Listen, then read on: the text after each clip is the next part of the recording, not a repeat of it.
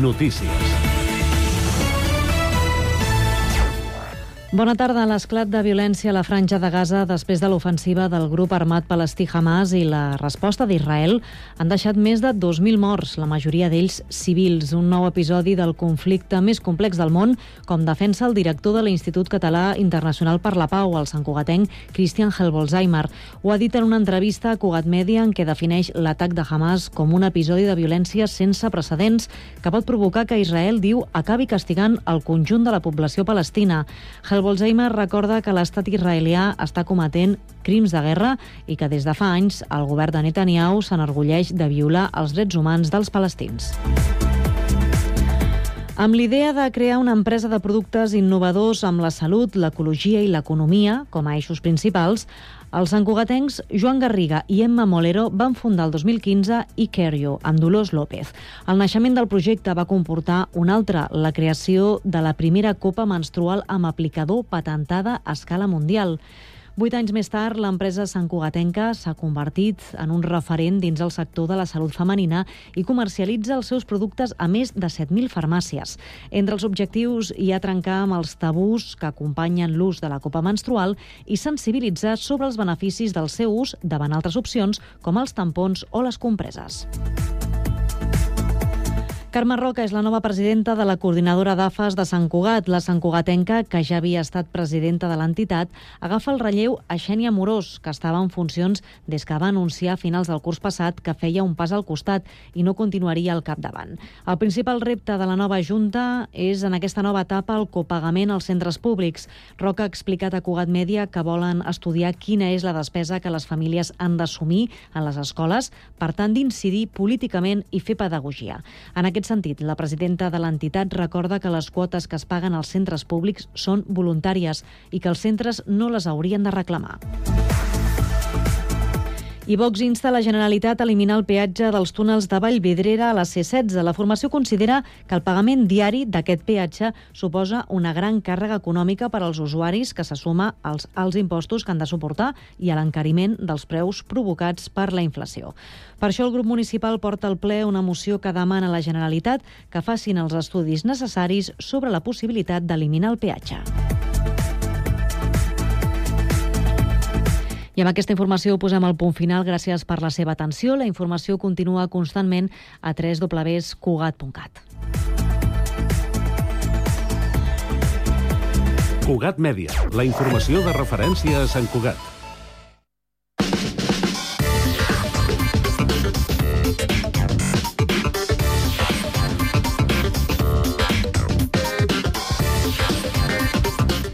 5 de la tarda, 3 minuts, inici de la segona i última hora d'aquest Connectats de divendres. Un divendres una mica diferent, una mica estrany, no?, després de la festivitat eh, d'ahir, però vaja, dia per tancar la setmana. Anem amb la informació de servei. Comencem pel trànsit. Avui ens el serveix el César Martínez César, quina és la situació a aquesta hora de la tarda? Doncs com ja anaves avançant, per ara poques afectacions en el trànsit a la demarcació de Barcelona per ser un divendres, tot i coincidir en un dia que es pon entre el festiu del 12 d'octubre i el cap de setmana. Tot i això, hi destaca una lleu retenció de 2 quilòmetres a la C32 a l'alçada de Viladecans i Sant Boi, direcció Sitges, a causa d'una avaria. I per altra banda, per facilitar aquesta operació sortida i evitar cues a les entrades i sortides de Barcelona, que recordem que ja va començar ahir, s'ha obert el carril bus-BAO de la C58 a tot tipus de vehicles excepte camions a l'altura de Barcelona en sentit nord i direcció Ripollet i en sentit sud a l'alçada de Montcada i Reixac. I això és tot, segons el Servei Català de Trànsit. Molt bé, doncs anem al Transmet per comprovar com està funcionant el transport públic en aquesta jornada de divendres. Albert Garram, bona tarda. Doncs a hores d'ara s'ha restablert la circulació per una sola via a la línia R4 entre les estacions de Sabadell Sud i Terrassa, estació del Nord, per l'atropellament, recordem, d'una persona fa tot just una estona. A banda d'aquesta incidència, parlem en principi de normalitat a la xarxa de transport públic de l'àrea metropolitana, on recordem que ahir va començar les obres de desdoblament a la línia R3 i això comporta el tall de la línia entre Mollet, Santa Rosa i el Figaró. Així que per aquells usuaris afectats per aquest tall es recomana que consultin els serveis alternatius disponibles. La resta de la xarxa de transport públic funciona sense cap altra alteració destacable on es mantenen les freqüències i els horaris habituals tant a la resta de serveis ferroviaris com a la xarxa de bus. De moment això és tot des del Transmet.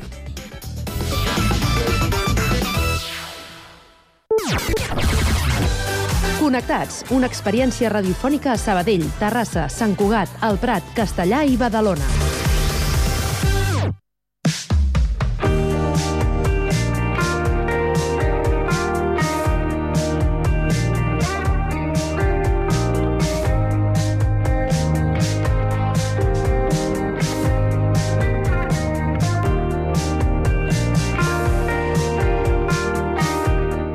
L'entitat Art en Acció ofereix classes de teatre a persones de totes les edats i tots els nivells.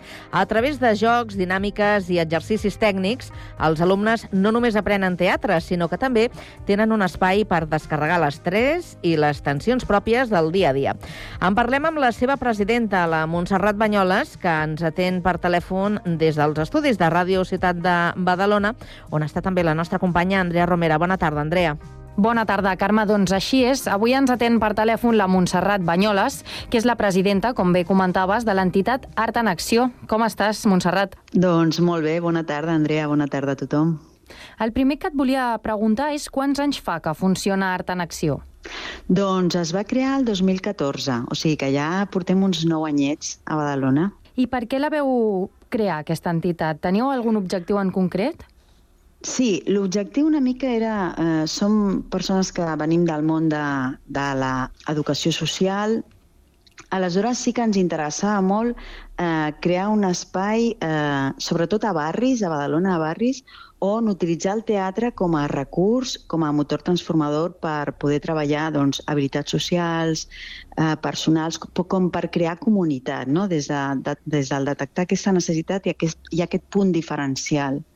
Vosaltres has comentat que veníeu de l'àmbit de l'educació social, però algun de vosaltres era actor professional? Eh, jo, em vaig, eh, jo em vaig formar a Nancy Tuñón, eh, també em vaig formar en direcció i dramatúrgia a Carro de Baco, i sí que, que no, no a nivell professional, però sí que tota la meva vida ha estat lligada al món del teatre. Si entenem com professional el fet de només dedicar-se única i exclusivament al teatre. T'ho preguntava perquè comentaves que el vostre objectiu era una mica el de la transformació social de determinats barris de Badalona, però mm. volia saber si també teníeu mm. com algun enfocament més professional, no? de formació no només amateur, sinó també més enfocada sí. al món professional.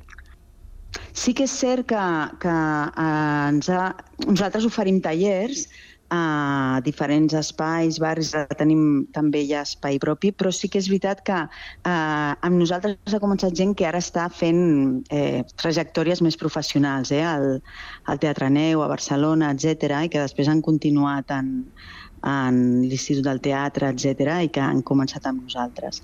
Sí que no, no nosaltres no, no volem doncs, deixar de banda la qualitat actoral perquè pensem que l'oferim. Treballem molt des de la veritat emocional, des de buscar l'actor, l'actriu orgànic, perquè aquest és el procés, el, el canvi, no? el, el creixement actoral no pot anar deslligat del creixement personal.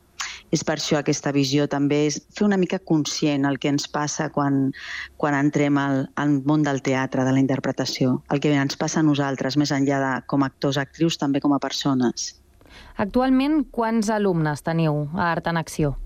Comptant tant, doncs els, uns... tant els amateurs perdó, com els professionals. Sí, doncs actualment tenim uns 100 alumnes. Són de totes les edats? Sí, sí, són de totes les edats. A partir dels 6 anys, eh? A partir dels 6 anys i fins als 70 i pico. 75, això ens agrada molt. Ens agrada molt l'heterogeneïtat perquè és molt enriquidora. Els grups, imagino que es divideixen per edat o també per nivell. Com funciona això? Sí, es divideixen per nivell. Eh, els petits sí que eh, segmentem molt per edats perquè és important, de 6 a 9, de 10 a 12, després tenim els grups adolescents, i després ja tenim els grups d'adults a partir dels 20 i pico, i aquí sí que busquem molt l'heterogeneïtat perquè és molt enriquidora. I aquí sí que és cert que, ha, que treballem per nivells perquè també treballem per objectius i per projectes. Aleshores sí que és cert que les sensibilitats són molt diferents, hi ha grups que busquen més o persones que arriben més amb, amb la sensibilitat de socialitzar, de, de trobar un espai més de, doncs això, no? de, de trobar de trobar-se amb d'altres, de fer feedback, i en altres sensibilitats doncs, més, eh, buscant doncs, més la formació no? més professional, sí. En el cas dels nens, per exemple, podeu fer servir mm. dinàmiques més divertides, més del tipus de jocs, no?, perquè se'ls hi faci més amè, més divertit, potser. Mira que, que tant en infants com en adolescents i adults, l'aprenentatge nostre és que el joc és la manera més seriosa de treballar, perquè és la manera inconscient d'arribar als objectius més, diguem, més directa, perquè és allà on, on som capaços de, de no estar racionalitzant tot el que, el que passa i després ja fem un treball més conscient. Però el joc acompanya a tots els grups, realment. I els grups adults, com ho porten, això del mm. joc? Són més tímids al principi? Els hi costa més sí. que els nens? Molt, molt. Uh, aquesta és la primera barrera, com si diguéssim. I, so, I també és la primera necessitat que trobem quan arriben, no? És allò de dir... De vegades sentim que ens diuen aquí és on... Aquí al teatre és on jo he vist la meva vida real i fora del teatre mm.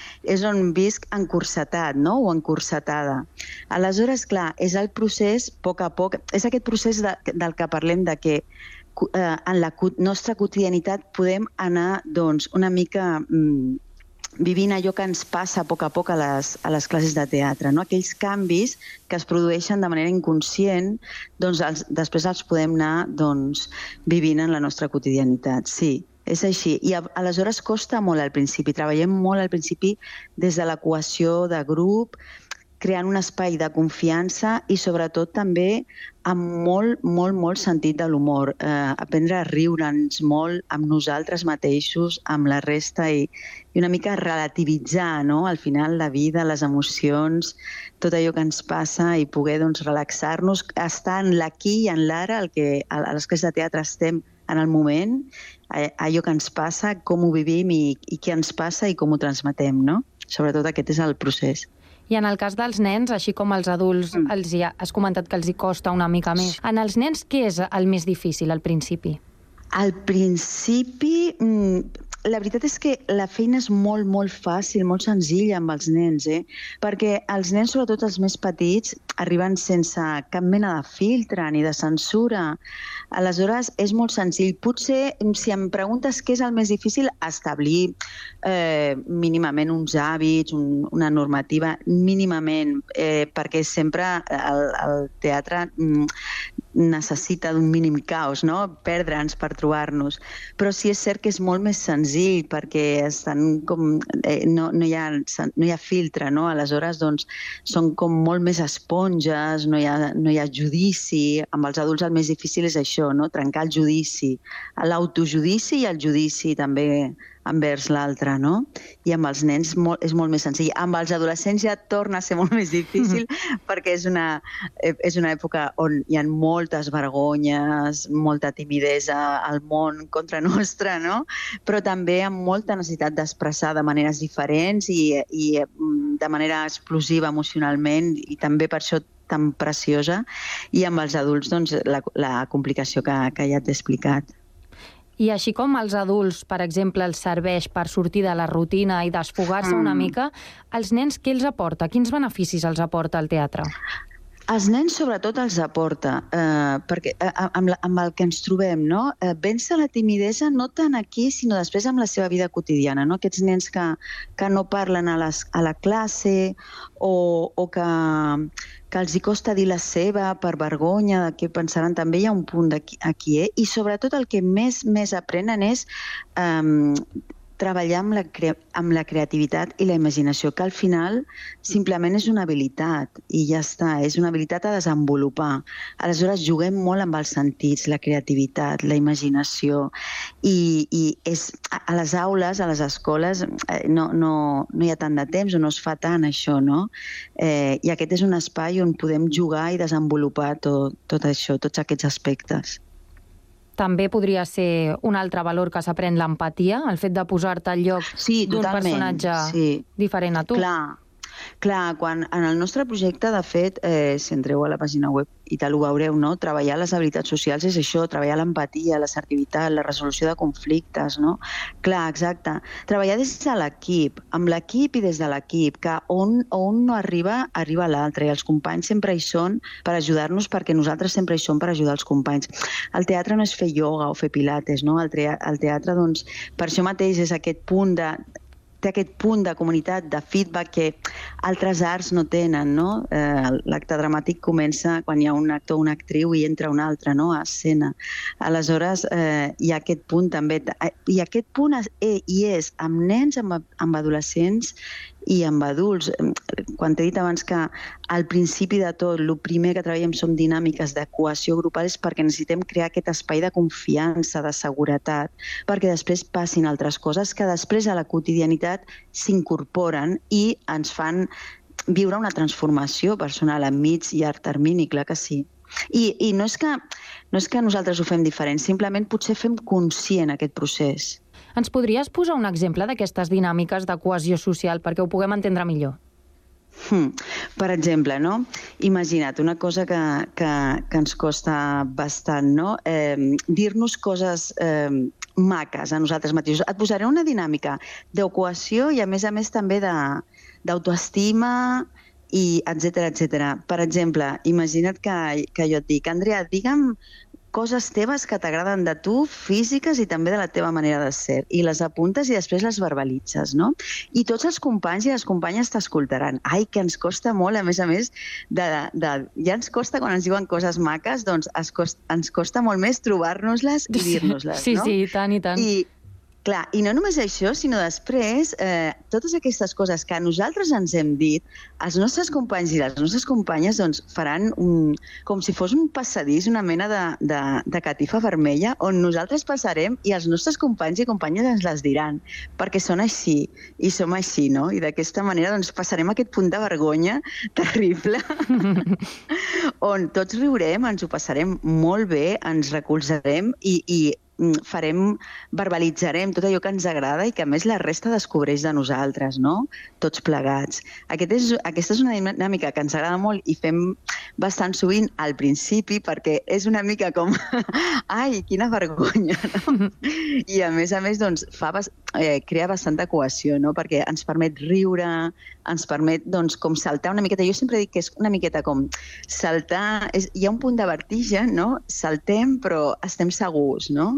I aleshores doncs, eh, anem creant aquesta xarxa una mica. A banda de, de totes aquestes classes, aquests jocs i dinàmiques que mm. comentem, també feu mm. obres de teatre? Sí, mira, cada curs té un projecte eh, d'obra de teatre a final de curs. La, ens agrada molt, més enllà de treballar text, ens agrada molt la creació col·lectiva.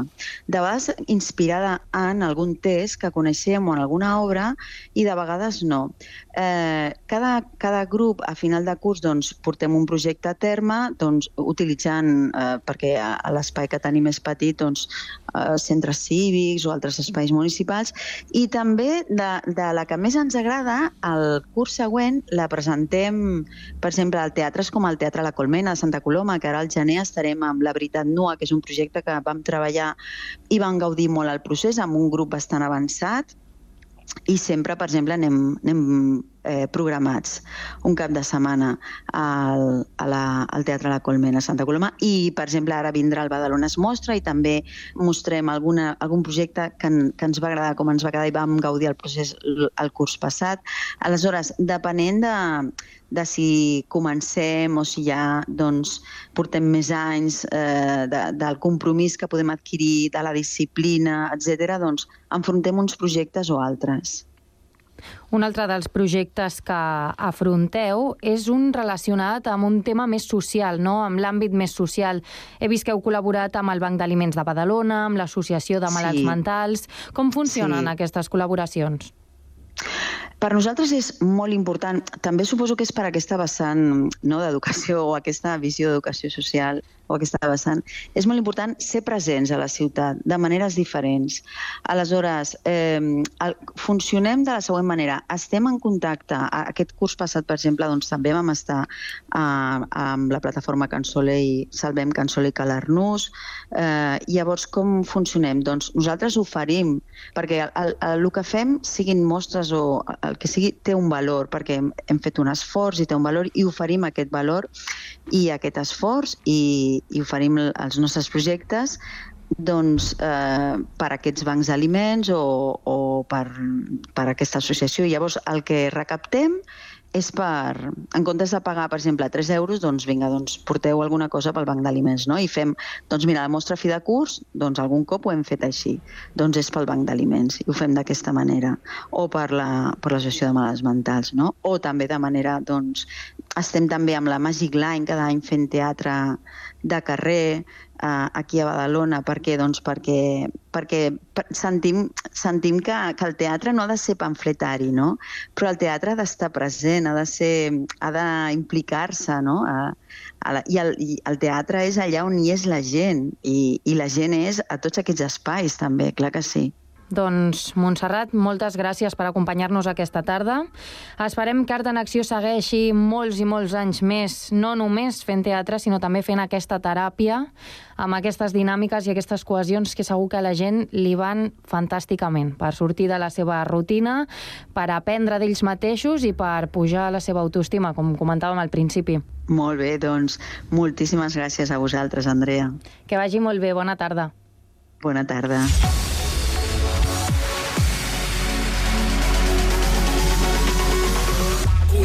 A les xarxes. Efectivament, arriba el moment per repassar l'actualitat i els virals aquesta setmana a les xarxes. Qui ho fa?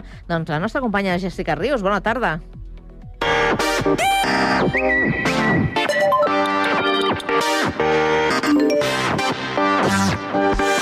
Bona tarda, Carme. Recordeu quan us traieu el carnet de conduir o els que us l'esteu traient ara al vostre professor o professora? Era divertit. Hi ha una autoescola a Sant Joan d'Espí i Cornellà que s'anomena a ella mateixa com l'autoescola positiva. Estic parlant de l'autoescola Requena i un dels seus professors, de la part pràctica, té un mètode infal·lible que, que no sé si serveix per aprovar o no, però el que sí sé és que tu passes genial fent pràctiques. Escoltem com. ¿Dónde me metiste? Espérate, que yo por aquí no quepo. Tenemos dos opciones. Tirar para atrás. Tira para atrás, toda la calle adoquinada para atrás, que esto está lejísimos. O Berta, esto significa que tienes que pasar lento. Por aquí no paso. que yo por aquí no paso.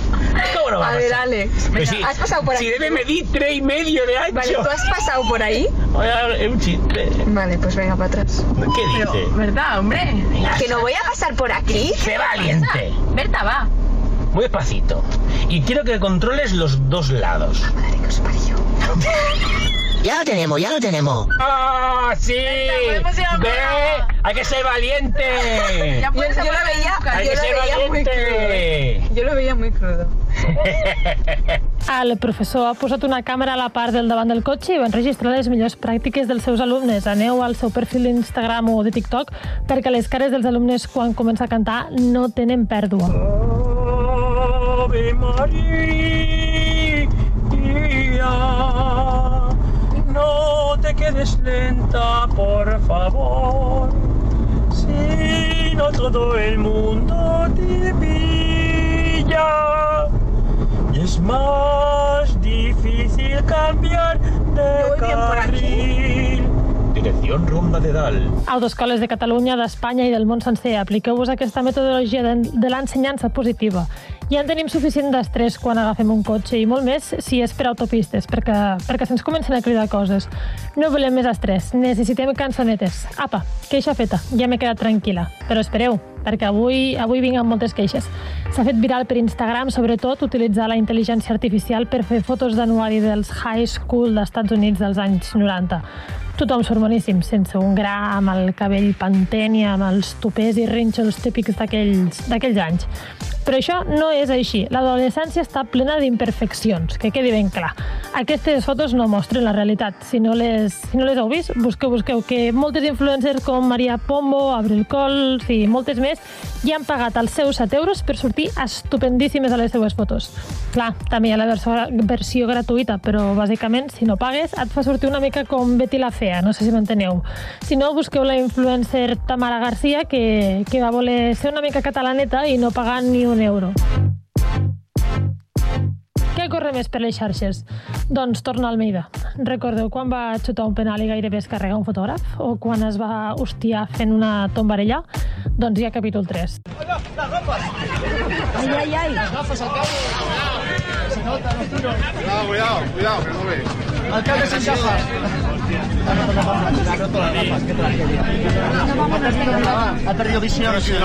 Jugando con la prensa.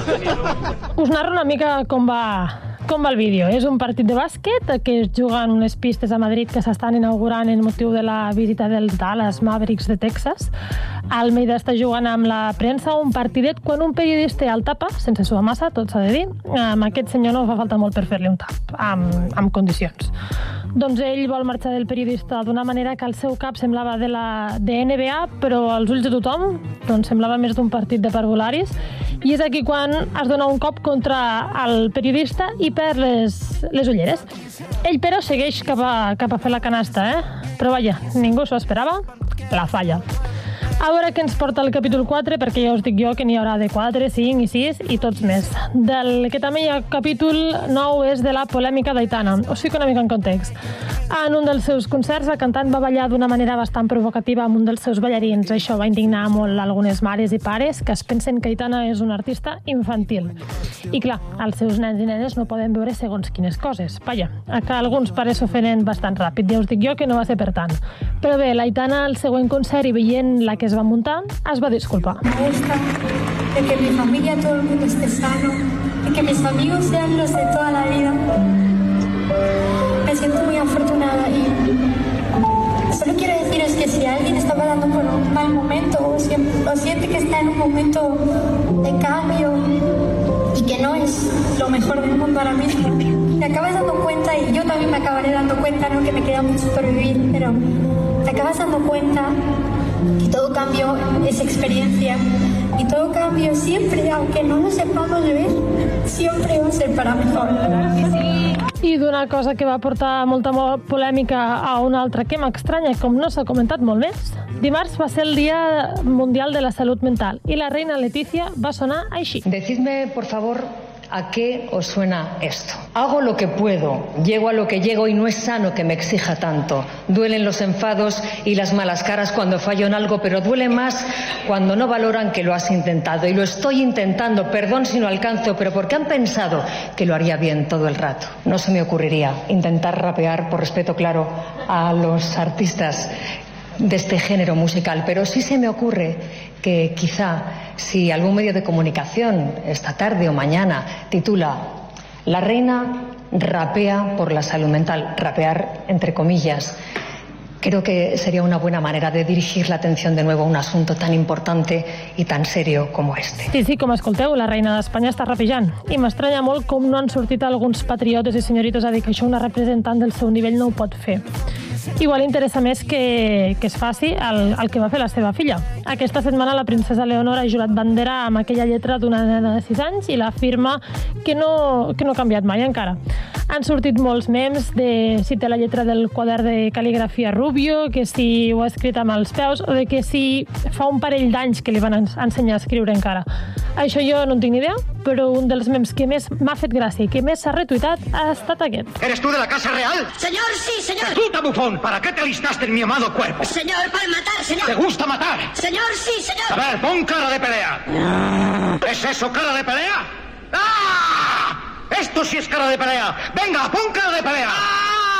¡Puta mierda! ¡No me convences! ¿Cuánto mides, recluta? Señor, 1,80, señor. No sabía que una mierda podía ser tan alta. Si no ho reconeixeu, és de la pel·lícula La xaqueta metàl·lica i escoltem al coronel com li fa preguntes i el seu caudillo li va responent. Doncs li han posat la veu del caudillo a la princesa Leonor, mentre la veiem al vídeo tota plantada amb aquells barrets que sembla que els hi vagin petits, d'aquests que els hi queda per l'altura dels llavis.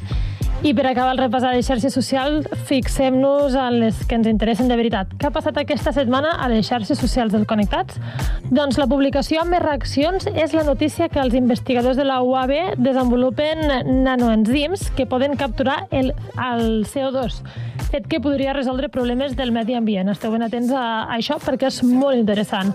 També hem sabut que la Unió Excursionista de Sabadell projecta els documentals finalistes als 17ens Premis Miquel Fàbregas, que hi ha 175.000 parelles lingüístiques, una xifra ufanosa del voluntariat per la llengua. Hem entrevistat el biòleg Albert Sorolla, impulsor del projecte ADENC, i el president i director esportiu, esportiu del Club Handbol Sant Cugat per valorar la trajectòria del club i celebrar els seus 50 anys. A la secció del Coses d'Antes hem repassat la vida i obra de Pepe Domingo Castaño. Ho podeu seguir i recuperar-ho totes les xarxes del Connectat. Estem a Twitter, Facebook i Instagram. Els nens de les escoles i sobretot els adolescents dels instituts tenen un desig que aquesta setmana a Canàries s'ha complert. Anunciamos la suspensión de las clases en los días miércoles y viernes de esta semana. Como saben, las altas temperaturas están, llevan ya muchos días instaladas en, en Canarias y por lo tanto queremos darle esa prioridad y esa seguridad a los niños y niñas de Canarias. En todos los centros educativos hemos tomado la decisión eh, también de teniendo en cuenta esa alerta máxima por riesgo de incendio, pero también ese, esa previsión que nos hace la EMET de que a partir de los próximos días vuelven a subir aún más las temperaturas. Sí, sí, tal com escolteu, aquest missatge ha tret somriures a nens i els pares es tornen a estirar els cabells. La notícia aquesta setmana és que a 10 d'octubre, bueno, avui 13, no és suportable la calor que fa. A Canàries s'ha hagut de suspendre, s'han hagut de suspendre les classes, però aquest pont aquí encara podem anar a la platja. Crec que aquesta setmana s'havia de destacar això en aquest apartat. És molt curiós que quan ja anàvem traient la jaqueta gruixuda, ara encara anem amb pantalons curts. Però serà molt més curiós que d'aquí uns anys, quan haurem d'explicar als més petits que hi havia una època abans de desembre a la que anomenàvem tardor. Aquesta setmana que s'ha celebrat el Festival de Sitges us porto estrenes terrorífiques. La primera, si sou fans dels thriller, tant a l'hora de llegir com en l'audiovisual, aquesta setmana agafeu-vos, perquè veu una de les grans estrenes.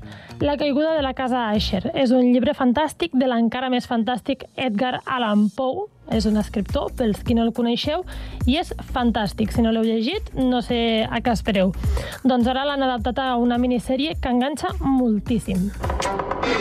Roderick Asher, tu familia es un puñado de corazones atrofiados, cuya hora ha llegado. ¿Quién eres tú? Una consecuencia. Y esta noche eres un daño indirecto. És una sèrie de terror que tracta com es va desmoronant una dinastia familiar quan van morint tots els membres de la família de forma misteriosa. Es va estrenar dijous i la trobareu a Netflix. Aprofitant el festival, us porto una estrena que precisament es va estrenar a, a Sitges. Inmediatamente. Si te pillan te van a meter directo en un laboratorio. Métetelo en la cabeza. ¿Qué vas a hacer ahora? Ian, no lo controlas tanto como crees.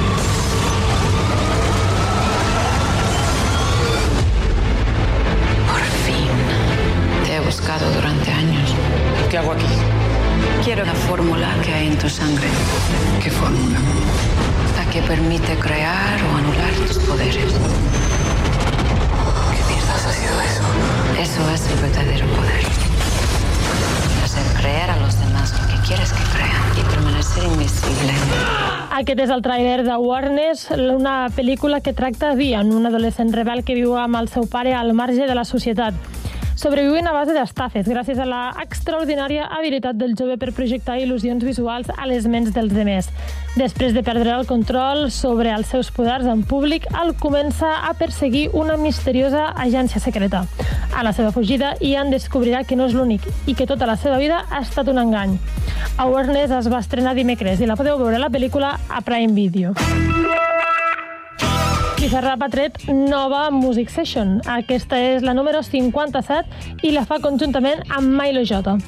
I ja està encapçalant les llistes de música de Spotify i de les diferents ràdios musicals. Us deixo escoltant aquest tema de, de Bizarrap i Milo J i m'acomiado fins divendres que ve. Bon cap de setmana a tothom. Hoy me voy al sol porque yo me llamo desde el downtown. Debo despertar porque no saca calor a mi alma. Pero me salvé, el alba. Dice la J mi nombre y mis valores me cubre la espalda. Mezclo flows, estilos y conceptos. Lo paso a plata y me pone contento. Te aunque parezca más muerto. Llamo a la muerte, pero hoy no contesto. Le doy gracias a quien me traicionó. Y me en situaciones que espantan. Ahora el negro Catinga te canta. Y tú eso este camino me apichó. Los flows no se desgatan. Cada tarda, de 4 a 6, Connectats. Una experiència radiofònica a Sabadell, Terrassa, Sant Cugat, Castellà, El Prat i Badalona.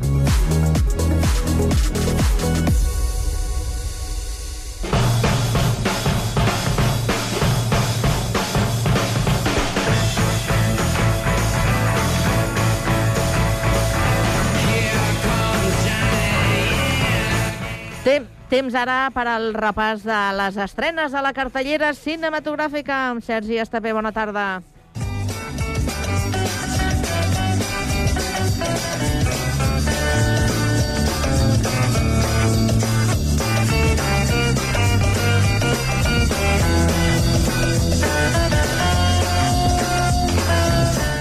Molt bona tarda. Ja sabem que molts esteu de pont, però altres no, i per tant doncs, no fallem en la nostra cita de cada divendres per parlar de cinema, per parlar d'estrenes, per parlar de coses relacionades amb allò que en diuen el setè art.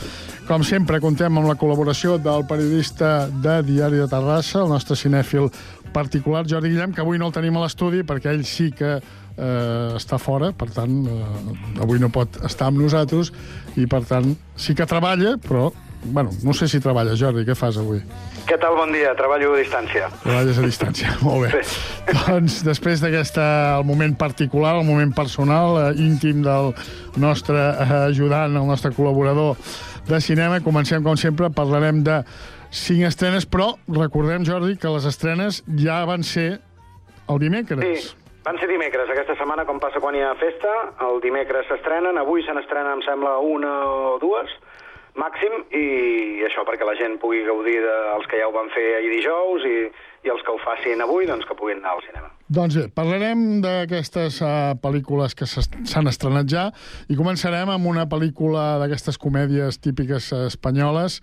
En aquest cas es diu Me he hecho viral, no? aprofitant tot el, el tema de les xarxes socials, etc. pam, aquí la tenim. Pam, eh? Exacte. Uh, és, una, és una pel·li basada en fets reals, estranyament, eh, tot i que és una comèdia de Jorge Coira, que és, uh, és un especialista en, en sèries, el recordem, per exemple, de Hierro uh -huh. o de Rapa, dues sèries que us recomano si no heu vist, estan a Movistar Plus, i en aquest cas explica la història d'una noia, la Mabel, que es converteix, doncs, malgrat ella, en la sensació viral del moment, perquè resulta que això es veu que va passar de veritat, estava a dins d'un hotel, el seu marit es viatjava amb ell al costat, li va agafar el mòbil, allò per veure aviam què deia, i va descobrir una infidelitat. I a partir d'aquí es veu que la va liar part de dins de l'avió, va començar a provocar un atac de pànic i entre tot el passatge, i hi ha un aterratge d'emergència, i llavors quan arriben a Madrid, doncs ella troba que la seva vida ha canviat completament i que tothom la coneix com eh, la loca del mòbil. Era un, la loca era de l'avió. un, era un avió, eh? Perquè has dit al principi un hotel. Era un, Ah, no, un avió, perdó. Sí, un sí, anaven amb avió, On, on sí. passen els fets. I bé, qui, qui, són, qui, qui ho protagonitza, tot això? Protagonista és una actriu que segurament haureu vist eh, en diverses oportunitats, la Blanca Suárez, Sí. També Nicolás Furtado, l'actor català Enric Auqué, que a mi personalment em- sempre m'ha fet molta gràcia, Miguel Rellan, que és un altre Un que a tu i a mi ens, ens agrada, eh, de la sèrie Vergüenza, per exemple, i actors habituals del, del cinema espanyol. Una comèdia, com tu deies, per, per passar l'estona, però amb cert ritme i certa elegància. Una mica la factoria, no? Aquí estem acostumats molt a fer aquestes comèdies, algunes són horribles, altres són millors. Escoltem una mica de Me he hecho viral, aviam què, què, què hi trobem. Vinga. Es buenísimo el vídeo, ¿eh? Menuda loca. Me odia todo el mundo. Cuatro pringados en redes no es todo el mundo. Cuatro millones de visionados en un día, ¿eh?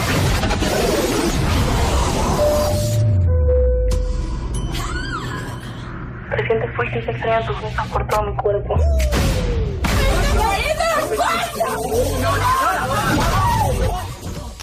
Doncs aquesta, aquesta pel·lícula basada en uns fets reals, no?, d'una noia que va amb avió i de sobte se n'adona que el seu nòvio ha estat infidel i lia una mica la troca i passa a ser viral. Li Mar- posa les banyes. Sí, ens, ens quedem per aquí, però és una pel·lícula que ja vam comentar, sí. eh, es diu Ocorno, no? La vam mig comentar la setmana passada, grans trets, pots recorda'ns una mica de què va Ocorno? Sí, eh, la van comentar perquè és la pel·li que va guanyar el Festival de Canes, d'aquella directora eh, gallega, en fi, nascuda a Sant Sebastià, però que va créixer a Galícia, que es diu Jaione Camborda, una pel·lícula so, in, eh, ambientada a la illa d'Arousa l'any 1971 d'una dona que treballa recollint marisc i per certes circumstàncies haurà d'ajudar altres dones en el moment del part i es, i es troba que ha de creuar la frontera amb Portugal per rutes de contrabandistes, etc. Eh, una pel·li que una setmana després de guanyar el festival de... menys d'una setmana després de guanyar Sant Sebastià, doncs la tenim ja a les sales. Per si Allà, m'has dit Cans, ara Sant Sebastià. Avui no estàs gaire fi. Hòstia, Cans sí, o Sant? Sebastià? No, Sant Sebastià, Sant Sebastià. Avui no és el dia de Jordi Guillem, No, no. si més no, amb localitzacions de pel·lícules i amb Divendres festivals. 13 té aixet aquestes sí, coses. té aquestes coses.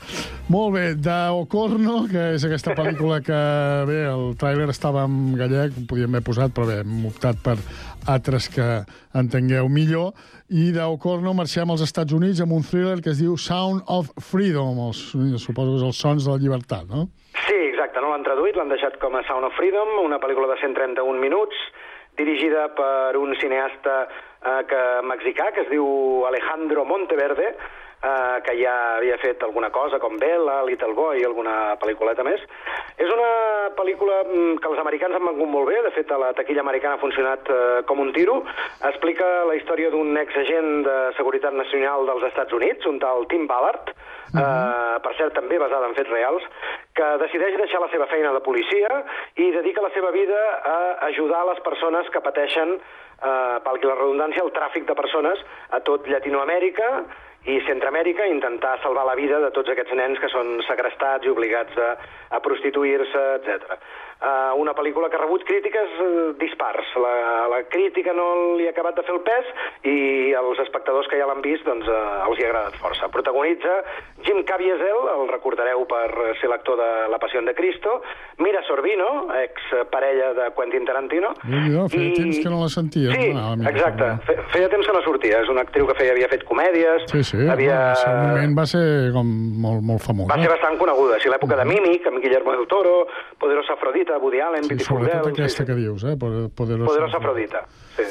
Molt bé, doncs escolta, bé, fem una mica de, de Sound of Freedom, va. Vinga, sentim-la. El internacional con mayor crecimiento que el mundo haya conocido. Ya ha superado el tráfico ilegal de armas. ¿Cuánto tiempo llevas con esto? 12 años ya. ¿Cuántos pedófilos has atrapado? 288. ¿Cuántos niños has encontrado? Somos el Departamento de Seguridad Nacional. No podemos rescatar... Doncs Sound of Freedom, que aborda aquesta, aquesta temàtica de el tràfic de persones lamentable com tot el que sigui que atenti contra la humanitat.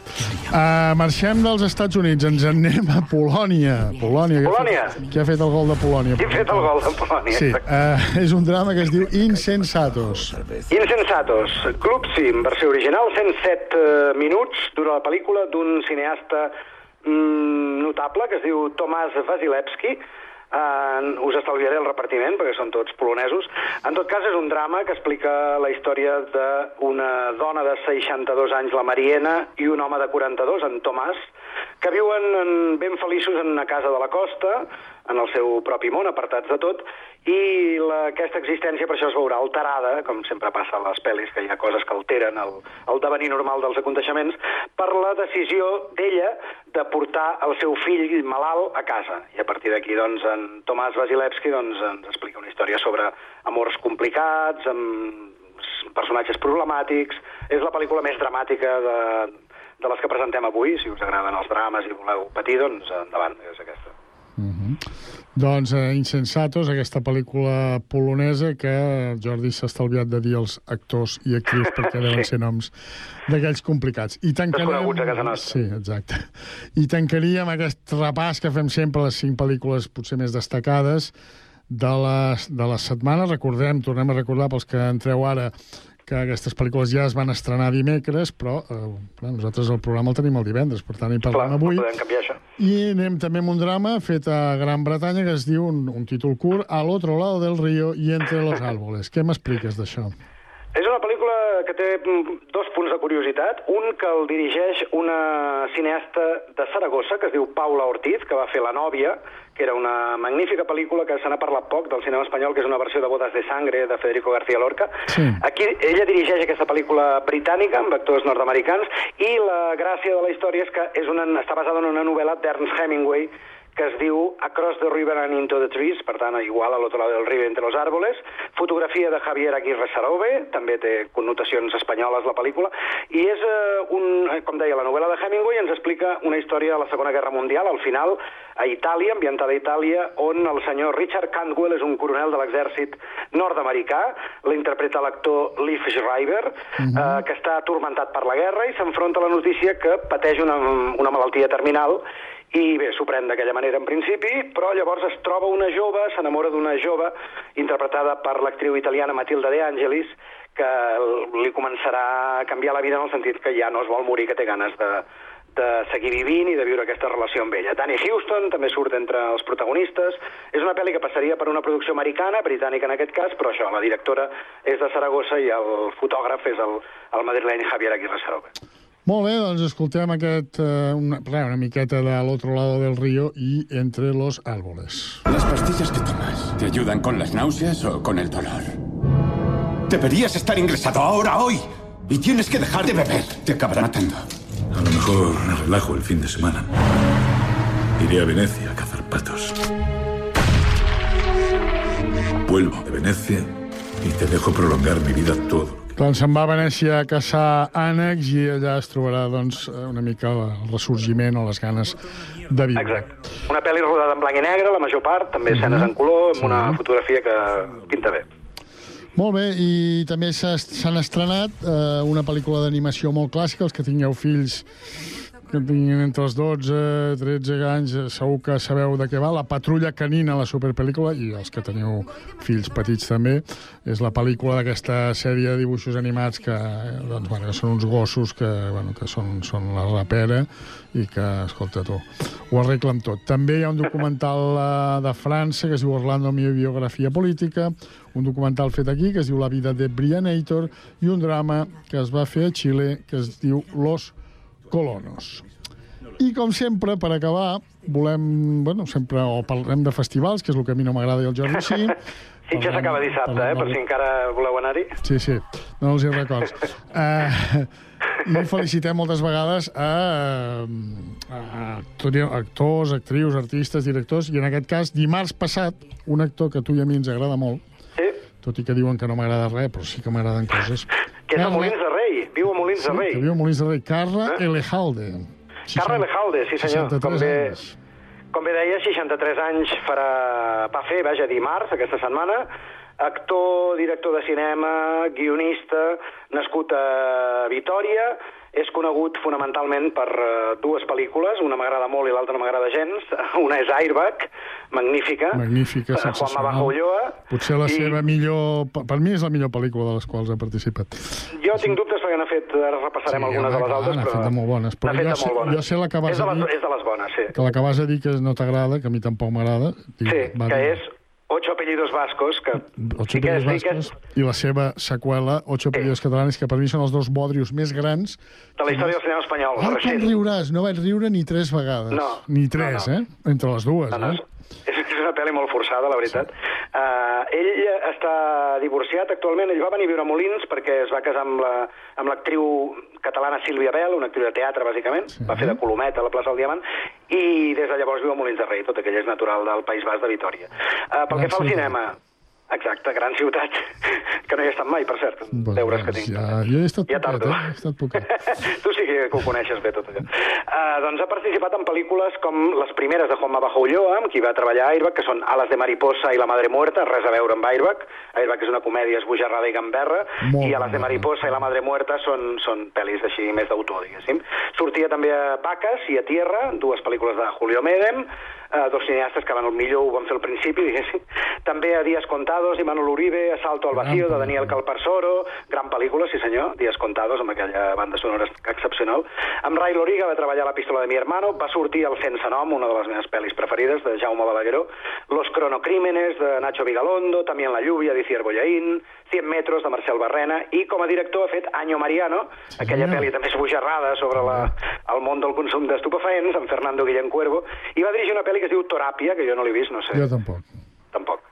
I Mientras duré la guerra, amb Alejandro Amenábar, del Sensacional. 17, és una sensacional pel·lícula on ell interpreta Miguel de Unamuno, eh, quan era professor a Salamanca, i bé, és una pel·lícula magnífica, per la qual va estar nominat a millor actor, no va guanyar els Goya millor actor, també va estar nominat, nominat per 100 metros, i curiosament va guanyar millor secundari el 15, l'any 2015, per Ocho apellidos vascos, i el 2010 va guanyar també millor actor secundari, són els dos Goyas que té, per també en la lluvia, la pel·li de Iciar Bollaín.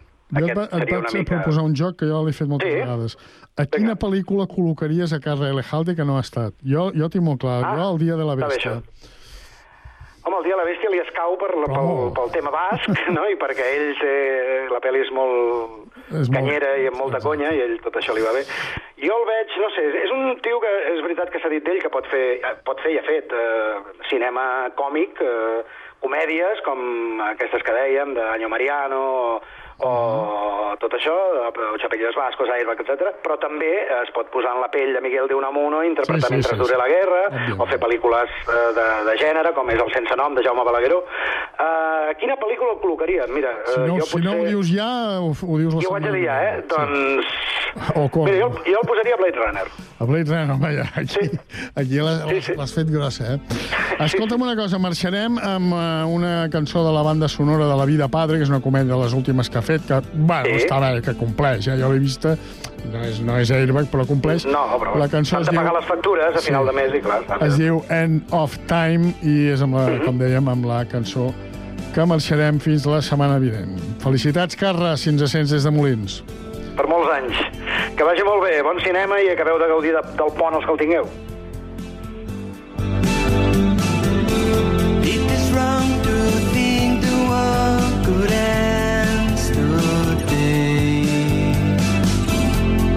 It's wrong think that we will not gonna die, gonna die, gonna die. Cause now we're here, all alone, but we stand here.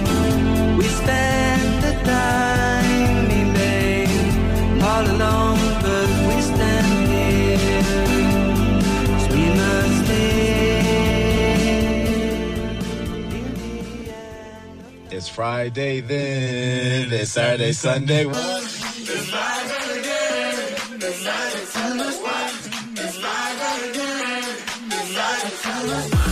Efectivament, divendres repassem l'agenda abans de marxar de cap de setmana i comencem per les propostes de Terrassa. Sergi Estafé, bona tarda.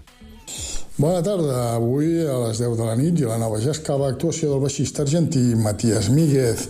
Dissabte, de 10 del matí a 6 de la tarda, festa i tas del novè concurs de ratafia artesana de Terrassa a la plaça de Salvador Espriu.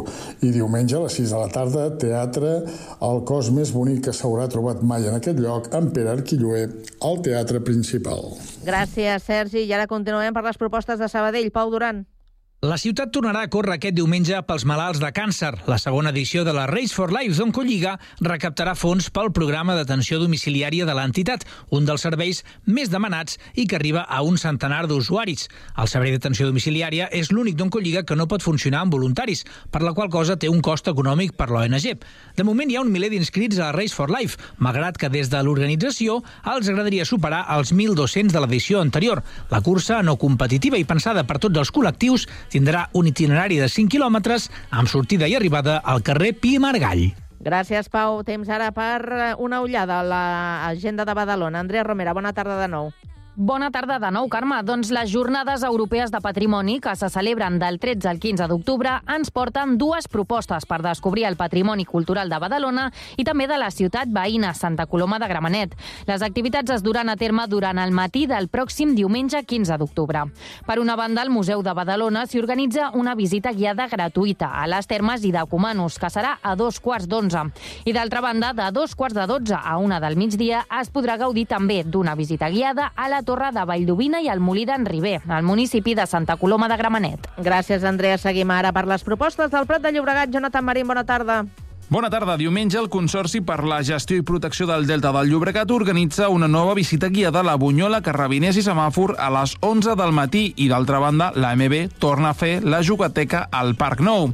Pel que fa a l'agenda cultural, per a la tarda del diumenge arrenca una nova temporada d'arts escèniques amb Fitzroy, una obra teatral que explica la història de quatre escaladores que estan a mitja ascensió del Fitzroy, una muntanya situada al camp de gel de la Patagònia Sud entre Argentina i Xile, una de les vies d'escalada més complicades del món i mai assolida per una cordada femenina. Una proposta que compta amb les reconegudes actrius Sílvia Bell, Sara Espígol, Míriam Iscla i Natàlia Sánchez. Gràcies, Jonathan. Temps ara per a les propostes de Castellà del Vallès. Rocío Gómez, bona tarda. Bona tarda. Aquest diumenge les Jornades Europees de Patrimoni estan dedicades al castell de Castellà del Vallès i porten per títol el castell de Clascarí i la seva història. És una activitat que organitza el Centre d'Estudis Castellà amb diversos passis i que explicarà el paper que va jugar aquesta propietat com a territori d'influència dels comtes de Barcelona. El castell serà moneda d'intercanvi entre els comtes, els nobles i el monestir de Sant Llorenç del Munt fins que arribi a mans de la família Clascarí. Acabem amb les propostes de Sant Cugat. César Martínez, bona tarda. L'agenda d'activitats d'aquest cap de setmana a Sant Cugat quedarà copsada per diferents propostes culturals. Començarem amb les Jornades Patrimoni Viu, una activitat local que celebra les Jornades Europees de Patrimoni. Arreu del municipi, un munt de propostes relacionades amb el poder de la dansa. Des d'avui i fins diumenge, Sant Cugat proposarà als santcuatencs activitats per a tots els públics repartides entre el museu, el celler modernista i Torre Negra. Entre les activitats més destacades, la sessió inaugural al celler modernista avui mateix divendres, demà al matí, dissabte, la dansa tradicional a Torre Negra i el diumenge la visita guiada al claustre, els perills de la dansa i la música a un monestir medieval, en aquest matí al Museu del Monestir. El mateix diumenge, però, a Valdorets se celebra el tradicional aplec de la salut, al costat de Puigmadrona. A partir de dos quarts de deu del matí, la missa a l'Ermita de la Salut i a partir de les 11 començaran un seguit d'activitats més lúdiques, com un taller creatiu, tirolines o l'exhibició de materials d'ADF. A dos quarts de 12, la Ballada dels Gegants de Valdorets obrirà també pas a altres activitats culturals, com la Ballada de Sardanes amb la Cobla Ciutat de Terrassa i la cantada de la coral de l'Harmonia de Valdorets i Músic al Cor. I a les 2 del migdia es tancarà aquest aplec de la salut amb un concurs de paelles que buscarà el millor arròs de tot Valdorets. I fins aquí arriba aquesta edició de divendres del Connectats. Gràcies per la companyia. Us emplacem a dilluns a partir de les 4 i 3 minuts. Bon cap de setmana.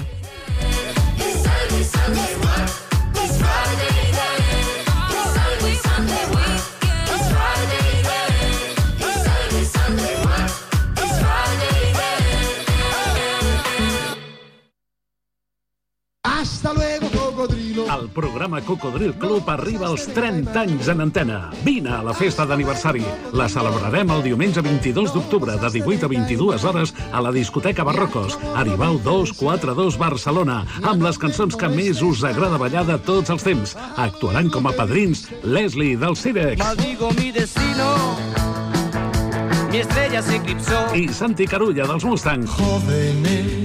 El diumenge 22 a partir de les 6 de la tarda a la discoteca Barrocos Aribau 242 de Barcelona 30 anys de ràdio, 30 anys plens de bona música, 30 anys de... Cocodril Club, el programa revival de l'Albert Malla. Hasta luego, cocodrilo. Ràdio Sant Cugat, Cugat Mèdia, www.cugat.cat. I'm happy for them. But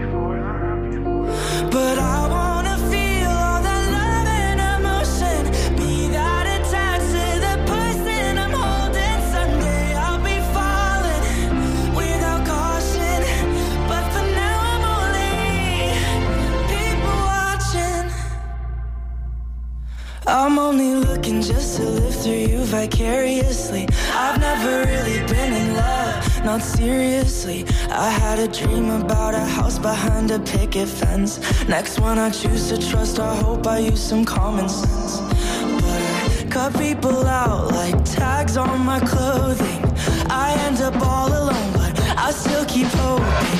I